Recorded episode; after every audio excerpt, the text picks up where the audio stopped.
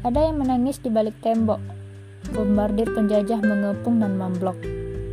Suaranya lantang, teriak, namun terhempas angin dan jarak.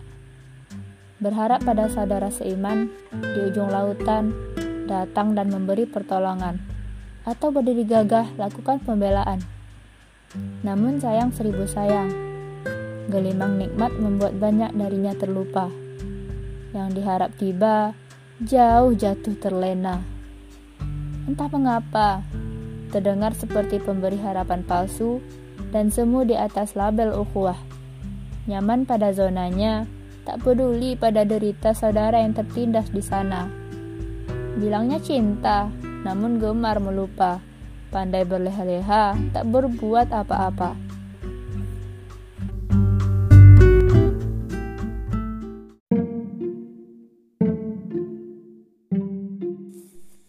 Maryam tahu tidak? Dalam sejarah perjuangan umat Islam, matematika manusia justru yang bisa mengalahkan kita. Ingat kisah perang Hunain? Gara-gara matematika manusia, umat Islam waktu itu merasa menang jumlah dan alat tempurnya yang banyak. Maka saat itulah Allah murka.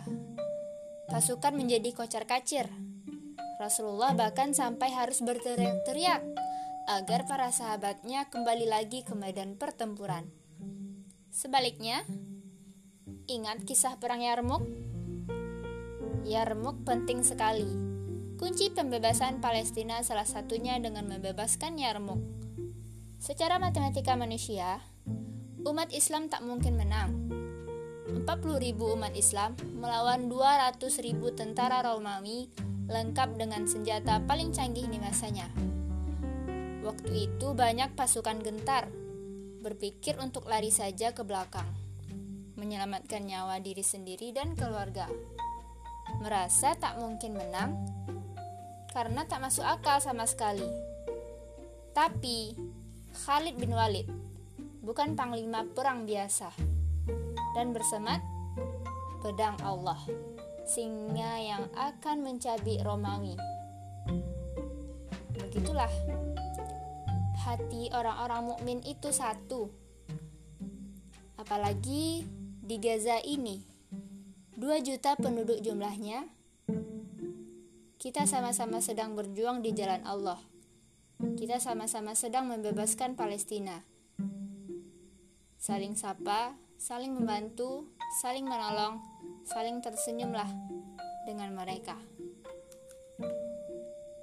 Kutipan ini aku kutip dari buku Nyala Semesta halaman 48 sampai halaman 64.